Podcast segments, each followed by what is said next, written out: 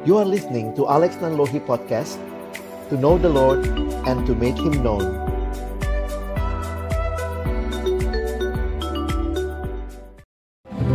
Mari tunduk kepala kita berdoa. Bapa di dalam surga kami datang dalam ucapan syukur. Malam hari ini Tuhan memberi kesempatan kepada kami untuk datang bersekutu memuji memuliakan namamu dan tiba waktunya bagi kami untuk membuka firman-Mu ya Tuhan. Kami mohon waktu kami membuka firman-Mu, bukalah juga hati kami.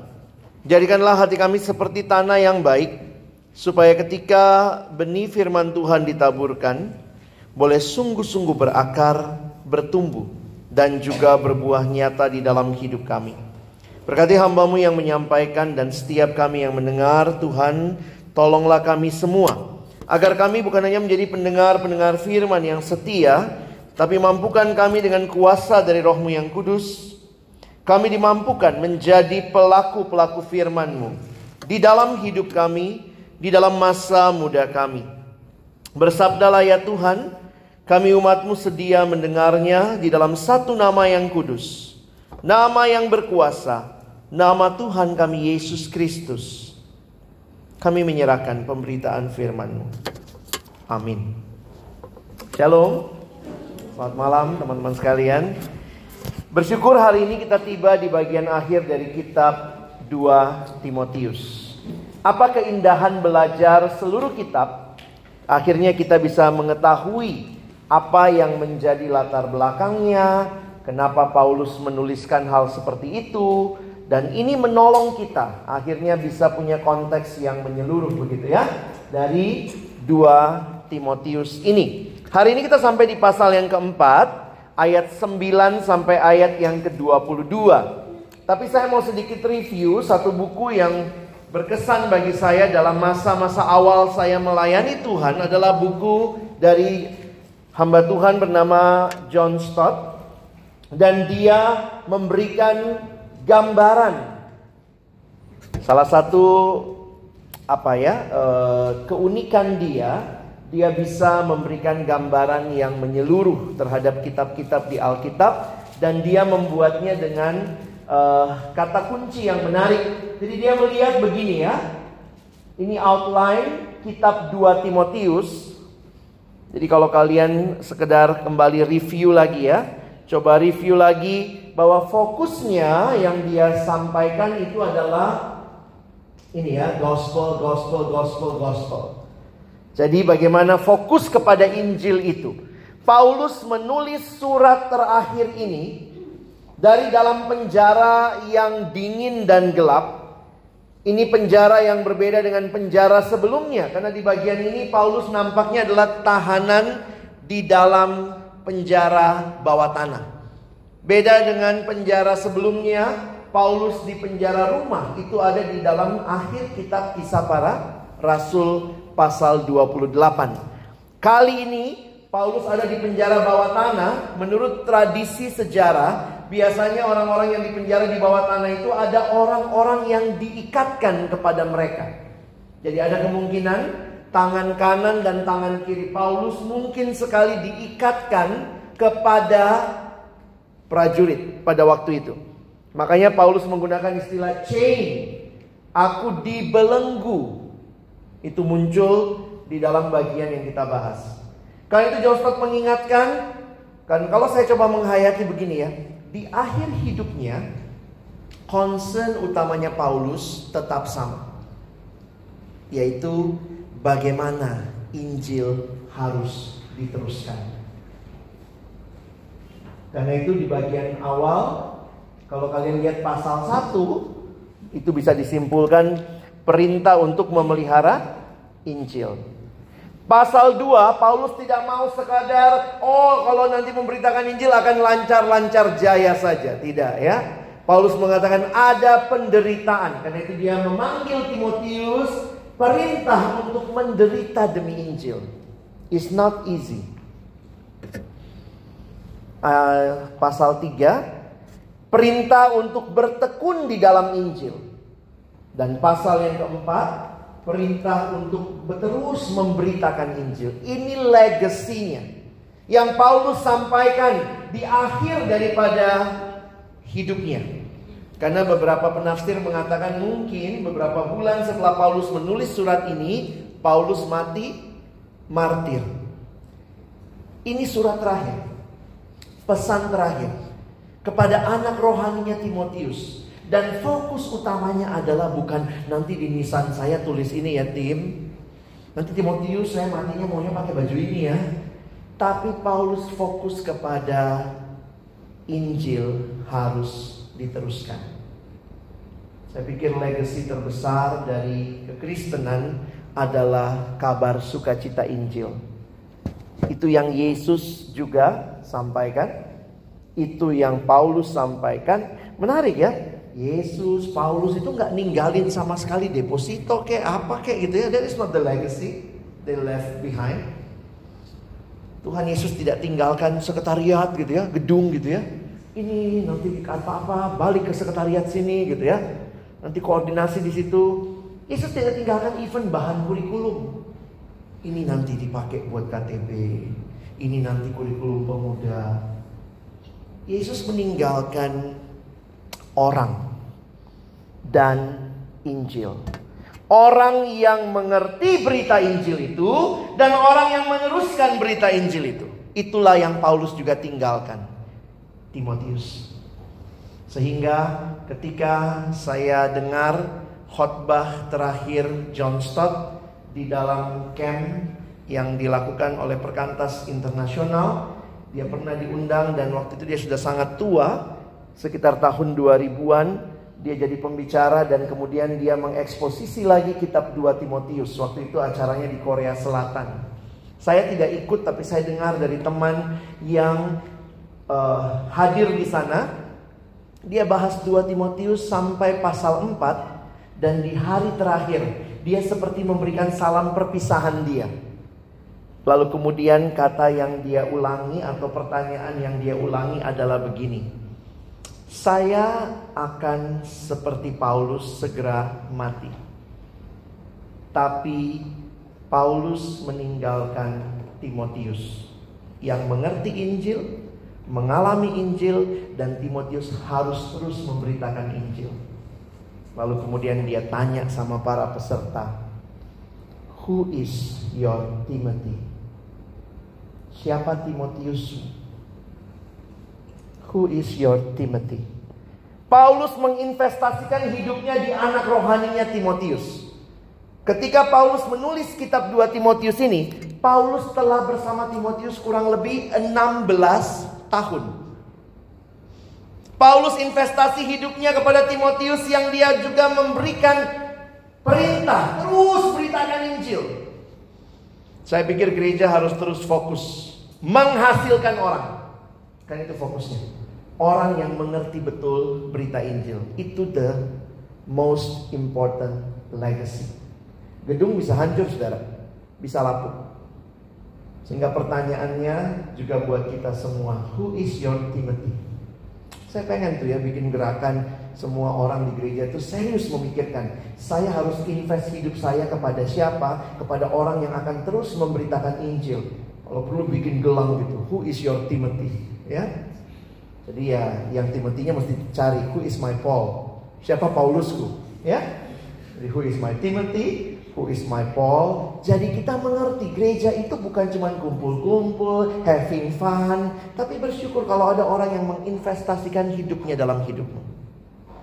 Ya. Jadi saya melihat luar biasa kalau kita coba review sedikit pasal 1, lihat pasal 1 ayat 14, dia bilang sama Timotius, "Peliharalah harta yang indah." Harta itu apa? Injil itu sendiri. Pasal yang kedua, ikutlah menderita. Ada tiga ilustrasi sebagai seperti prajurit, seperti um, apa ya olahragawan, dan juga seperti seorang petani. Lalu pasal yang ketiga, Paulus ingatkan orang jahat dan penipu akan bertambah jahat. Mereka menyesatkan dan disesatkan. Tetapi hendaklah engkau Timotius Luar biasa Paulus ingatkan. Tetap berpegang pada kebenaran. Terus pegang Injil itu. Menarik ya, makin saya renungkan menarik ya. Injil itu jangan kita anggap sebagai objek. Kadang-kadang saya mikir begini ya, kita dibilang ayo teruskan pemberitaan Injil. Lihat, orang suka memperlakukan ini Injil, ini pemberita Injil. Jadi seolah-olah kalau saya menyampaikan Injil maka saya subjek menyampaikan Injil sebagai objek. Tapi bagi Paulus tidak begitu. Hidupnya menyatu dengan Injil, dia menghidupi itu sampai di pasal 2 dia mau bilangnya begini. Apa yang kau dengar daripadaku di depan banyak saksi itu yang kau percayakan kepada orang-orang. Harta itu, Injil itu adalah apa yang Paulus sudah hidupi. Sehingga bukan sesuatu yang sekedar disampaikan. Tapi perhatikan, Injil itu sendiri kamu harus bertekun di dalamnya. Makanya kalimatnya, tetapi hendaklah engkau tetap berpegang pada kebenaran yang telah engkau terima. Jangan cuma jadi sales Injil, bukan ya? Kadang-kadang ada orang berpikir seperti sales atau seperti apa itu ya? Uh, ada orang-orang yang biasanya hanya menyuruh orang melakukan, dia sendiri tidak lakukan. Nah, saya pikir bukan demikian. Dan perhatikan pasal yang keempat, mungkin kalian sudah bahas ini, pasal 4 ayat 1 dan 2. Terus beritakan Injil. Di hadapan Allah yang akan menghakimi orang yang hidup dan yang mati. Paulus berkata, beritakanlah firman, siap sedialah baik atau tidak baik waktunya. Nah, bagian yang akan kita bahas berikutnya ini kesannya re, apa ya receh banget gitu ya. Ini salam-salam, salam buat sini ya, salam buat sini ya, gitu ya. Tapi bagi saya ternyata tidak sereceh itu. Waktu saya dalami, saya renungkan, wow indah sekali. Mari kita baca sama-sama 2 Timotius 4 ayat 9 sampai ayat 22. 2 Timotius 4 ayat 9 sampai ayat 22. Mari saudara membaca bergantian. Pria bersama saya baca ayat 9. Wanita baca ayat 10. Kita bergantian sampai 22 ya. Pria mulai 1 2 ya. Berusahalah supaya segera datang kepadaku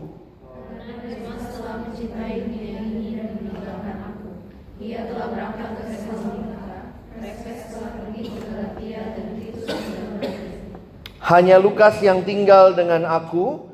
Jemputlah Markus dan bawalah ia kemari, karena pelayanannya penting bagiku. Jika engkau kemari, bawa juga jubah yang kutinggalkan di Troas, di rumah Karpus, dan juga kitab-kitabku, terutama perkamen itu.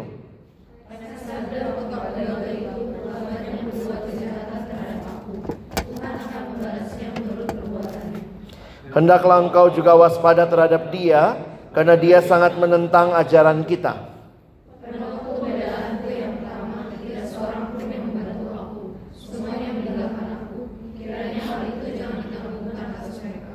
Tetapi Tuhan telah mendampingi aku dan menguatkan aku, supaya dengan perantaraanku Injil diberitakan dengan sepenuhnya, dan semua orang bukan Yahudi mendengarkannya. Dengan demikian aku lepas dari mulut singa.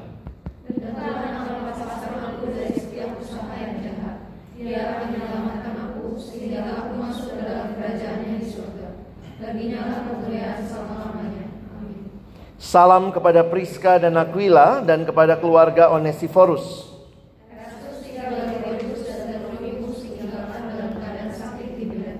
Berusahalah kemari sebelum musim dingin. Salam dari Ebulus dan Pudes dan Linus dan Claudia dan dari semua saudara. Banyak nama di situ ya. Itu bisa koleksi untuk cari nama anak nanti. Nah, apa yang menarik yang kita bisa perhatikan dalam bagian ini, saya ingin teman-teman bisa memahami bahwa ini bukan sekadar seperti kita iseng nggak tahu apa lagi ngapain bikin status, ngetek-ngetekin teman, salam-salamin orang, bukan ya. Pada waktu itu kan kalau nulis surat itu langka, nggak gampang. Ditulis lalu dikirimkan sehingga semua surat itu very very clear purpose. Ada tujuan yang sangat jelas. Karena waktu itu belum ada tiki JNE, belum ada email ya. Jadi kalau orang nulis surat itu pasti serius. Nah, teman-teman, saya uh, pernah cari-cari waktu retret siswa ya, ketemu kartun Korea. Kartun Korea tentang dua Timotius itu unik juga lah ya kan siswa biasanya uh, catching sama uh, kartun ya. Jadi saya tunjukkan beberapa yang pasal empatnya, tapi maaf ya Paulusnya Korea sipit. Timotiusnya juga, Yesusnya juga gitu ya, sekalian ya. Ah ini Paulus nih. Demas telah mencintai dunia ini dan meninggalkan aku pada waktu pembelaanku pertama ini Yesus. Sipit juga ya. Tidak seorang pun membantu aku, semuanya meninggalkan aku, tapi Tuhan telah mendampingi, menguatkan aku. Ini ada dari pasal satunya ya. Dia bilang dengan demikian aku lepas dari mulut singa. Salam kepada Priska dan Aquila. Ini Timotius ya. Muda ya. Berusaha kemari sebelum musim dingin ya dikirim surat gitu. Oke, kita belajar apa sih dari sini? Satu hal yang menarik yang saya ingin bagikan kepada teman-teman, Paulus itu real human. Kadang-kadang kita pikir Rasul Paulus itu sangat super hebat, luar biasa, sampai kayaknya nggak butuh makan, nggak butuh apa gitu ya. Paulus itu real human. Dan ini bisa menjadi refleksi buat kita para pelayan Tuhan. Ketika saudara dan saya dipercayakan pelayanan oleh Tuhan untuk memberitakan Injilnya, maka ingat baik-baik kita juga manusia biasa yang punya kebutuhan. Ada empat kebutuhan yang Paulus miliki. Atau dalam surat ini terlihat jelas sebagai seorang pelayan Tuhan. Yang pertama kebutuhan akan sahabat. Yang kedua kebutuhan fisik. Ketiga kebutuhan intelektual. Keempat kebutuhan rohani. Mari kita lihat satu persatu bagian ini. Kita mulai dari kebutuhan akan sahabat. Kalau teman-teman perhatikan, kenapa Paulus minta Timotius datang? Saya pikir memang dalam penjara itu tidak mudah ya. Dan memang kalau kita perhatikan ada orang-orang yang berjuang menemui Paulus di dalam penjara. Kalau kita perhatikan apakah Paulus benar-benar sendiri ternyata tidak. Karena ada orang-orang lain ya. Walaupun pasti mereka mungkin mengunjungi dia secara rutin, tapi di sini kelihatan jelas di akhir hidupnya Paulus ingin bersama Timotius, anak rohaninya. Dia katakan begini ya, Timotius segeralah datang ke Roma. Itu pasal 24 ayat 9. Di mana Paulus waktu itu Paulus ada di Roma. Jadi kalau kalian perhatikan, Timotius ada di mana? Efesus. Timotius di Efesus, Paulus di penjara Roma. Makanya dia sedang menunggu uh, apa ya? pengadilannya. Jadi dia minta Timotius segera datang ke Roma sebelum musim dingin. Kenapa sebelum musim dingin? Pada waktu itu kalau musim dingin nggak ada pelayaran. Jangan pikirnya kayak sekarang gitu. Masa musim dingin emang kenapa gitu ya? Waktu itu musim dingin nggak ada orang yang meresikokan diri berlayar. Jadi makanya Paulus ini uh, concernnya luar biasa ya. Yuk ke sini sebelum musim dingin. Tikhikus dikirim ke Efesus. Berarti siapa yang membawa surat 2 Timotius? Tikhikus. Kenapa Tikhikus dikirim ke Efesus? Paulus kangen sama Timotius, pingin lihat dia lagi sebelum dia mati. Tapi Paulus pun juga konsen sama jemaat. Kalau Timotius ditarik, kunjungi dia di Roma, siapa yang ngurus jemaat? Jadi Paulus bilang, saya kirim Tikikus. Bukan tikus, Tikikus ya. Saya pikir ini orang ya, memang ya kita kan butuh ya, sering kali dalam pelayanan pun kita butuh sahabat. Tadi kita udah banyak share dengan teman-teman, thank you for support system. Ini support systemnya Paulus, sahabat. Tapi di dalam support system, Paulus tidak mengabaikan tanggung jawab. Kirim Tikikus ke Efesus ya. Dan ada beberapa yang bersama Paulus. Kita lihat itu ada beberapa nama ya. Coba lihat di ayat 11 Nama siapa aja tuh? Lukas tinggal dengan aku. Berarti ada Lukas. Jemputlah Markus dan bawalah ia kemari. Pelayannya penting bagi Paulus. Teman-teman kalau kalian belajar bagaimana Paulus waktu itu menolak Markus. Masih ingat kisah Rasul 15? Waktu Paulus mau pelayanan, kisah 15 ke bawah itu, lalu kemudian dia akhirnya berantem sama Barnabas. Karena Barnabas mau mengajak Markus. Jadi kalau kalian baca kisah Rasul, Paulus itu ada tiga kali misi. Perjalanan misi Paulus di kisah Rasul ada tiga kali dicatat di kitab kisah para Rasul. Perjalanan pertama Paulus bersama Barnabas ngajak Markus. Namanya Yohanes Markus.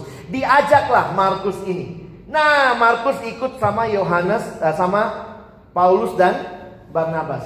Tapi ternyata di tengah jalan entah apa alasannya Yohanes Markus pulang, lari nih, balik lagi ada beberapa orang yang mengatakan mungkin pelayanannya Paulus capek ini ya uh, tough banget jadi nggak kuat nih. Anak muda yang pengennya fun kali ya. Ah begitu. Ah udahlah aku pulang. Nah makanya dalam perjalanan kedua perhatikan perjalanan kedua Barnabas masih mau ngajak lagi Yohanes Markus. Paulus bilang tidak. Ngapain ngajak lagi orang yang mundur di tengah jalan pelayanan? Dan di situlah perpecahan mereka. Memang sedih banget kalau baca itu ya. Akhirnya Paulus sama Barnabas berpisah. Paulus punya tim baru namanya Silas. Jadi Paulus sama Silas. Barnabas diajak lagi sama eh sorry.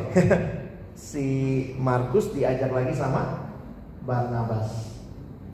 Tapi yang menarik begini ya bagi saya perpecahan itu yang menarik adalah dua-duanya tetap melayani. Kadang-kadang ada sekarang orang berantem gitu dalam gereja, lalu kemudian yang satu ngambek, nggak mau gereja, nggak mau pelayanan. Nah itu yang sedih. Ini pisah tapi tetap sama-sama melayani. Nampaknya, nah ini nampaknya ya, nampaknya Markus berubah. Karena itu menariknya Paulus orangnya sportif. Kalau berubah, boleh diajak lagi nggak? Boleh, dia bilang jemput Markus. Pelayanannya penting. Kalau kita baca kisah Rasul gile lu yang nolak, sekarang minta bawa. Saya melihat di sini setiap orang deserve a second chance. Dan Tuhan pakai Markus. Markus yang berubah itu. Akhirnya Tuhan pakai juga termasuk menuliskan Injil Markus. Markus yang sama yang menuliskan Injil Markus. Paulus sangat sportif. Markus jemput. Mungkin kalau Paulus lagi ngobrol-ngobrol sama Markus, ini dulu gua tolak lo gitu ya. Iya nih, dulu lu kasar banget sama gua gitu kan ya. Tapi akhirnya Paulus sportif, orang berubah kok. Jadi jangan selalu melihat orang di masa lalunya. Ah, kalau dia mah kok nggak mungkin berubah kok. Udahlah, udah pasti dia begitu. Setiap orang deserve a second chance. Di bagian ini kita lihat Markus. Nah, ternyata sahabat ada yang dukung, ada yang enggak. Ini kayaknya dulu sahabat. Namanya Alex Sander. Sedihnya nama saya juga Alexander. Adik-adik kelompok kecil saya pernah kasih ayat ulang tahun 2 Timotius 4 ayat 11 ya. Itu bercanda begitu ya. Uh, jadi uh, ayat 14. Selamat ulang tahun kok. ayat dari 2 Timotius 4 ayat 14. Alexander tukang tembaga itu telah banyak berbuat kejahatan terhadap aku. Tuhan akan membalas menurut perbuatannya. Aduh, kalau kasih ayat yang benar dong gitu ya. Ternyata perhatikan, teman-teman perhatikan ya. Bagi saya yang menarik, persahabatan Paulus itu dasarnya kebenaran. Lihat apa yang terjadi di ayat 15. Hendaklah engkau juga waspada terhadap dia karena dia sangat menentang ajaran kita. Jadi bagi saya persahabatan itu tidak meniadakan ke kebenaran. Nampaknya ketika Paulus melihat bahwa Alexander ini sudah tidak suka dengan ajarannya, udah dia langsung mengadu domba. Menurut sejarah ada yang bilang Alexander ini yang mungkin melaporkan Paulus. Makanya akhirnya Paulus ditangkap di rumah di rumah siapa? Coba lihat ayat bawahnya. Eh ayat bawahnya, ayat atasnya nih. Ayat 13. Jika engkau kemari bawa juga jubah yang kutinggalkan di Troas, di rumah Karpus. Jadi nampaknya Alexander and the gang yang tidak suka ajaran Paulus ngelaporin si Paulus sehingga Paulus ditangkap buru-buru nampaknya di rumah Karpus. Makanya tidak sempat packing. Ini kalau lihat unik juga ya. Ini suratnya manusiawi banget nih. Lagi bicara, tolong ya bawa apa? Jubah. Ini kebutuhan? Oh ini masih sahabat tadi ya. Nah ini banyak yang pergi meninggalkan. Itu kebutuhan fisik kalau jubah. Teman-teman jangan pikir waktu itu gampang punya jubah ya. Kenapa Bapak Paulus butuh jubah? Mau musim dingin, logis banget kan? Dan dia minta jubah yang ditinggalkan di rumah Troas, eh di rumah Karpus di Troas, karena nggak sempat packing waktu itu ya. Jadi uh, Timotius diminta untuk datang bawa itu. Dia butuh intelektual. Bagi saya unik ya, di penjara mau mati, dia tahu loh, nggak lama lagi. Makanya pasal 4 ayat 8 yang minggu lalu atau mungkin kalian sudah bahas ayat 6 dia mengatakan mengenai da, mengenai aku darahku sudah mulai dicurahkan. Tapi dia tetap minta bawain buku dong gitu ya. Pada waktu itu belum ada ibu. Pasti ya. Yang ada buku itu dari perkamen yang ditulis di atas kulit kayu dan itu scroll bentuknya. Nah dia bilang bawa kemari apa? Kitab-kitabku. Ada yang khusus lagi dia bilang, terutama perkamen. Sehingga beberapa ahli mengatakan mungkin perkamen itu adalah salinan perjanjian lama. Berarti buku apa yang Paulus baca waktu itu? Nampaknya Paulus nggak cuma baca Alkitab aja ya. Perjanjian lama yang ada waktu itu. Dia baca buku-buku lain juga. Makanya pandangannya Paulus tuh luar biasa butuh intelektual. Jadi kalau kita sekarang malas baca, malas belajar gitu ya. Kadang-kadang saya pikir pelayan Tuhan harusnya juga memacu diri untuk mengerti gimana situasi politik kita, bagaimana situasi bangsa kita. Mungkin kalau kalian bidang ekonomi, kuliahnya pelajari ekonomi dengan baik, bisa melihat situasi yang ada sehingga jangan hanya Alkitab, tapi di sisi lain jadi jangan hanya ilmu yang lain saja karena Paulus juga punya kebutuhan yang keempat yaitu rohani. Kenapa saya katakan ini kebutuhan rohani? Karena yang tadi ya penjelasannya nampaknya perkamen itu adalah salinan perjanjian lama. Bayangkan mau mati di penjara mintanya ini. Dia minta Timotius datang, saya butuh sahabat. Nanti jemput Markus ya. Kenapa Paulus menyadari dia sangat membutuhkan dukungan dalam situasi yang sulit. Nanti bawa jubah. Saya bukan Superman yang bisa tahan dingin. Nanti tolong bawa kitab-kitab itu. Aku masih pengen baca. Nanti bawa kitab suci itu, perkamen itu. Saya masih terus mau menggali firman Tuhan sebagai pelayan Tuhan di generasi ini yang akan melanjutkan legacy ini? Do you have these needs? Apakah engkau juga punya kebutuhan ini? Saya pikir dari sini saya melihat ya, tidak bisa kita cuma lone ranger. Saudara dalam pelayanan kita butuh tim. Tidak ada yang bisa melayani sendiri. Hebatnya Paulus itu kalau kita lihat suratnya luar biasa. Di akhir setiap surat banyak sekali muncul nama. Ratusan nama muncul kalau kita total-total dalam kitab Paulus. Kadang-kadang kita mikir, wow, Paulus itu bukan single fighter, besar sendiri, megah sendiri, tapi dia butuh tim pelayanan. Perhatikan keseimbangan kebutuhan fisikmu dan pelayanan. Ada orang nggak tahu ya dalam banyak pelayanan tuh eh, sering kali ada orang yang merasa lebih rohani kalau menderita Padahal sebenarnya nggak juga gitu ya. Makanya di kalangan mahasiswa itu, apalagi yang pelayanan di mahasiswa itu banyak penyakitnya sakit mah. Kenapa? Karena makan tidak teratur gitu ya. Kadang-kadang juga ada orang yang ketika melayani rasanya mau memberikan semuanya lupa kesehatan fisik. Pulang malam naik motor nggak pakai jaket, emang Superman? Superman kamu. Jadi saya melihat, ingat ya, Timotius ada sakitnya. Salah satu sakitnya apa? Masalah pencernaan. Di satu Timotius, Paulus concern, Timotius tambahkan sedikit anggur. Karena itu obatnya waktu itu ya. Tapi gara-gara ayat itu banyak yang melegalkan minum anggur. Dalam arti anggur banyak gitu. Sakit mah enggak kok. Memang seneng aja anggur gitu ya.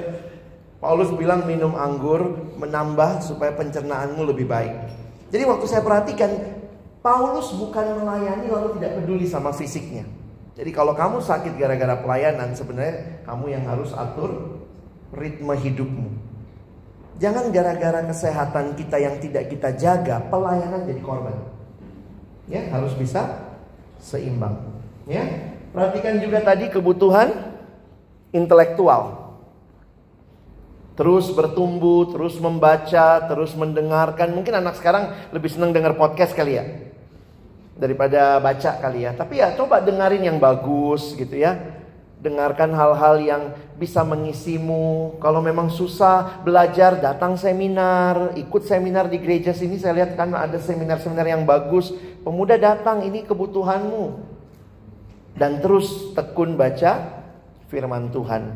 Jadi legacy itu tidak hanya diteruskan kepada orang yang tidak merasa butuh menjaga kesehatan fisiknya, tapi saya melihat justru di sini Paulus memberikan gambaran hamba Tuhan yang benar. Ini kondisi Paulus dalam penjara, bagian penutup ayat 16 sampai 18. Paulus berkata semua orang meninggalkan dirinya, tapi Tuhan selalu bersama Paulus. Tadi kita ditolong untuk melihat ya, bahwa memang sebenarnya yang paling dasar yang selalu ada adalah Tuhan. Bahkan ketika semua meninggalkan, Paulus berkata, "Aku bersyukur Tuhan mendampingi aku." Saya pikir kekuatan terbesar pelayan Tuhan adalah kehadiran Tuhan yang menyertai pelayanan. Yang kedua, Paulus memanfaatkan pengadilannya di hadapan pemerintah Romawi untuk menyampaikan berita Injil. Karena Paulus warga negara Romawi, maka ada kesempatan memberikan pembelaan. Ini hebat ya. Sudah mau dihukum mati, pembelaannya masih memberitakan Injil.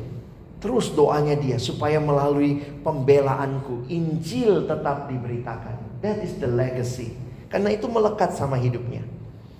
Dan terakhir, Paulus yakin akan keselamatan kekalnya. Dia percaya betul Yesus pegang hidupnya. Saya waktu itu ini kan bahasa Korea ya. Ini apa ya? Yang paling mungkin kisah rasul lagi gitu kan? Saya nggak bisa baca Annyeonghaseyo Cinca ya. Nggak tahu saya. Cari-cari cari kayaknya kisah rasul nih ya. Karena di 20 ayat 24. Yuk kita baca sama-sama ya. Satu dua ya. Tetapi aku tidak menghiraukan nyawaku sedikit pun Asal saja aku dapat mencapai garis akhir dan menyelesaikan pelayanan yang ditugaskan oleh Tuhan Yesus kepadaku untuk memberi kesaksian tentang Injil kasih karunia. Aku bahkan tidak hiraukan nyawaku asal aku bisa selesai memberitakan Injil itu. Jadi ini keyakinan Paulus. Nah perhatikan salam penutup. Di dalam kitab-kitab Paulus, kebiasaan pada waktu itu ada salam penutup, ya. Dan salam penutup sekali lagi juga ini indah begitu ya. Tuhan menyertai rohmu, kasih karunia-Nya menyertai kamu. Dari kata kamu inilah, sebenarnya ini kan surat Paulus ke siapa? Timotius. Di dalam Alkitab ada dua macam surat. Satu surat umum kepada jemaat, satu surat khusus kepada pribadi. Yang pribadi mana aja? Surat Paulus kepada Timotius dan kepada Titus. Titus itu bukan nama kota, itu nama orang. Tesalonika nama kota, Roma nama kota. Nah, makanya surat ini misalnya orang nanya, ini kan surat Paulus kepada Timotius, kok jadi kitab suci? Kan bingung juga gitu ya. Saya kirim surat sama kamu, eh nanti jadi kitab suci misalnya. Surat pribadi lagi. Tapi kemudian orang melihat dari kata kamu ini. Kalau kamu punya Alkitab bahasa aslinya, kamu lihat aksesnya, kata kamu yang terakhir ini itu bentuknya jamak. Memang betul ini surat pribadi, tapi nampaknya dengan menuliskan kamu jamak di akhir, Paulus punya maksud supaya surat ini dibacakan di depan jemaat. Kenapa? Karena dengan dibacakannya surat ini, jemaat kembali diteguhkan apa yang menjadi legacy yang harus diteruskan dan sekaligus jadi surat rekomendasi Paulus untuk Timotius. Kan Timotius masih merasa muda ya. Waktu dibacain surat ini, engkau anakku Timotius. Mungkin ada Timotius, hmm tuh gua tuh. gitu kan ya. Tapi nggak nggak gitu banget lah ya. Karena saya ngelihatnya begini loh. Uh, Timotius tuh pemalu. Di dalam survei dikatakan kemungkinan Timotius waktu dia dapat surat 2 Timotius pun usianya sudah 30-an tahun. Maka kita bilang, Hah, muda 30 tahun. Kenapa? Karena pada waktu itu pemimpin gereja rata-rata umur 40-an. Jadi bagi Timotius waktu itu, Paulus bilang, ini anakku, dia yang kutinggalkan di Efesus melayani di sana. Timotius masih tergolong muda. Jadi surat ini dibacakan di depan umum juga nampaknya untuk meneguhkan tugasnya Timotius. Kita lihat salam terakhirnya ya.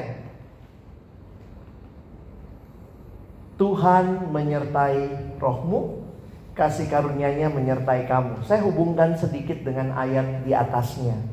Baginya lah kemuliaan sampai selama-lamanya. Amin. Nah, saya coba simpulkan dengan kalimat ini Kasih karunia dari Kristus ini ya, kasih karunia dari Kristus kepada kita membawa dampak kemuliaan dan kehormatan dari kita kepada Kristus. Salam ini bukan sekedar salam, tapi Paulus menyatakan kasih karunia Allah menyertai kamu. Karena itu Paulus juga bisa menyatakan baginyalah kemuliaan sampai selama-lamanya. Kadang kita ke gereja kita tidak terlalu menghayati berkat ya. Ada yang menghayati berkat kalau pendeta angkat tangan? Kita kadang-kadang kalau gitu udah tunduk gitu nggak tahu dia ngomong apa pokoknya saya diberkati gitu ya. Tapi lihat berkatnya. Paulus menyampaikan Tuhan menyertai rohmu, kasih karunia-Nya menyertai kamu. Untuk apa? Untuk memberitakan Injil. Dan karena itu Orang yang disertai Tuhan akan bisa berkata, baginya lah kemuliaan sampai selama-lamanya. Inti surat ini, sebagian besar penafsir mengatakan ada di pasal 1. Ini inti suratnya. Pasal 1 ayat 8. Kita baca ya. 1, 2, iya. Jadi janganlah malu bersaksi tentang Tuhan kita dan janganlah malu karena aku seorang hukuman karena dia, melainkan ikutlah menderita bagi Injilnya oleh kekuatan Allah.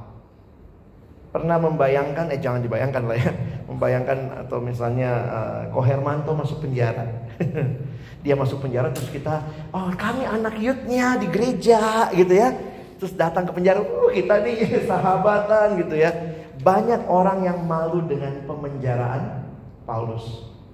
Dan kemudian di pasal 1 dikatakan beberapa orang sudah mulai mundur. Kan itu Paulus bilang sama Timotius, jangan malu bersaksi tentang Tuhan, jangan malu karena aku.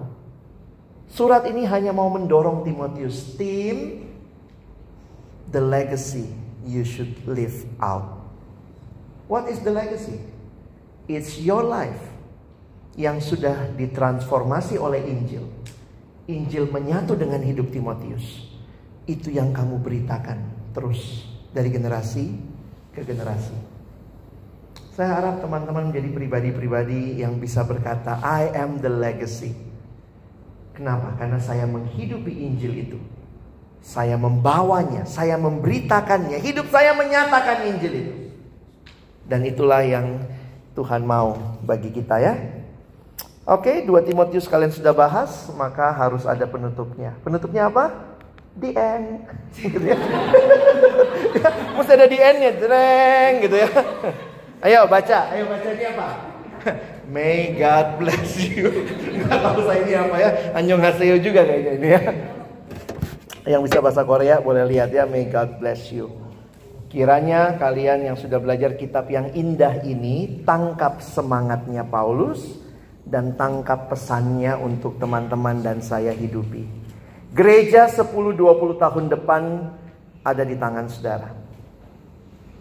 Legasinya apa? Biarlah terus jadi gereja yang memberitakan Injil. Orang-orang di dalamnya hidupnya ditransformasi oleh Injil. Karena itu beritakan terus. Amin. Mari kita berdoa. Bapak Surgawi terima kasih buat firman-Mu. Berkali-kali kami diingatkan betapa pentingnya hidup yang mengalami Injil yang membawa perubahan, transformasi, dan itulah warisan sesungguhnya dari gereja Tuhan. Kami belajar dari Yesus yang meninggalkan murid-murid yang mengguncang dunia dengan keberanian mereka. Dan kami mau di generasi ini juga. Kami menangkap pesan penting dari surat yang singkat ini Tuhan belum selesai berkarya dalam dunia ini. Dan Tuhan sedang membangkitkan terus Timotius-Timotius untuk generasi ini. Di banyak gereja persekutuan sulit cari pengurus. Banyak anak-anak muda sibuk dengan dirinya, dengan kenikmatan dunia. Tapi hari ini kami diingatkan kembali betapa pentingnya terus menginvestasikan hidup kami kepada orang-orang yang akan melanjutkan pelayanan ini. Karena itu tolong kami giat memberitakan Injil. Tolong kami giat menjangkau jiwa. Tolong kami giat membawa orang-orang datang kepada Tuhan. Dan biarlah ini bukan sekadar program. Tapi lebih lagi hidup yang benar-benar kami jalani. Cara hidup yang kami hidupi hari demi hari. Sekali lagi kami bersyukur untuk firman-Mu. Tolong kami bukan cuma jadi pendengar firman. Mampukan kami jadi pelaku-pelaku firman-Mu. Dalam nama Yesus kami berdoa. Amin.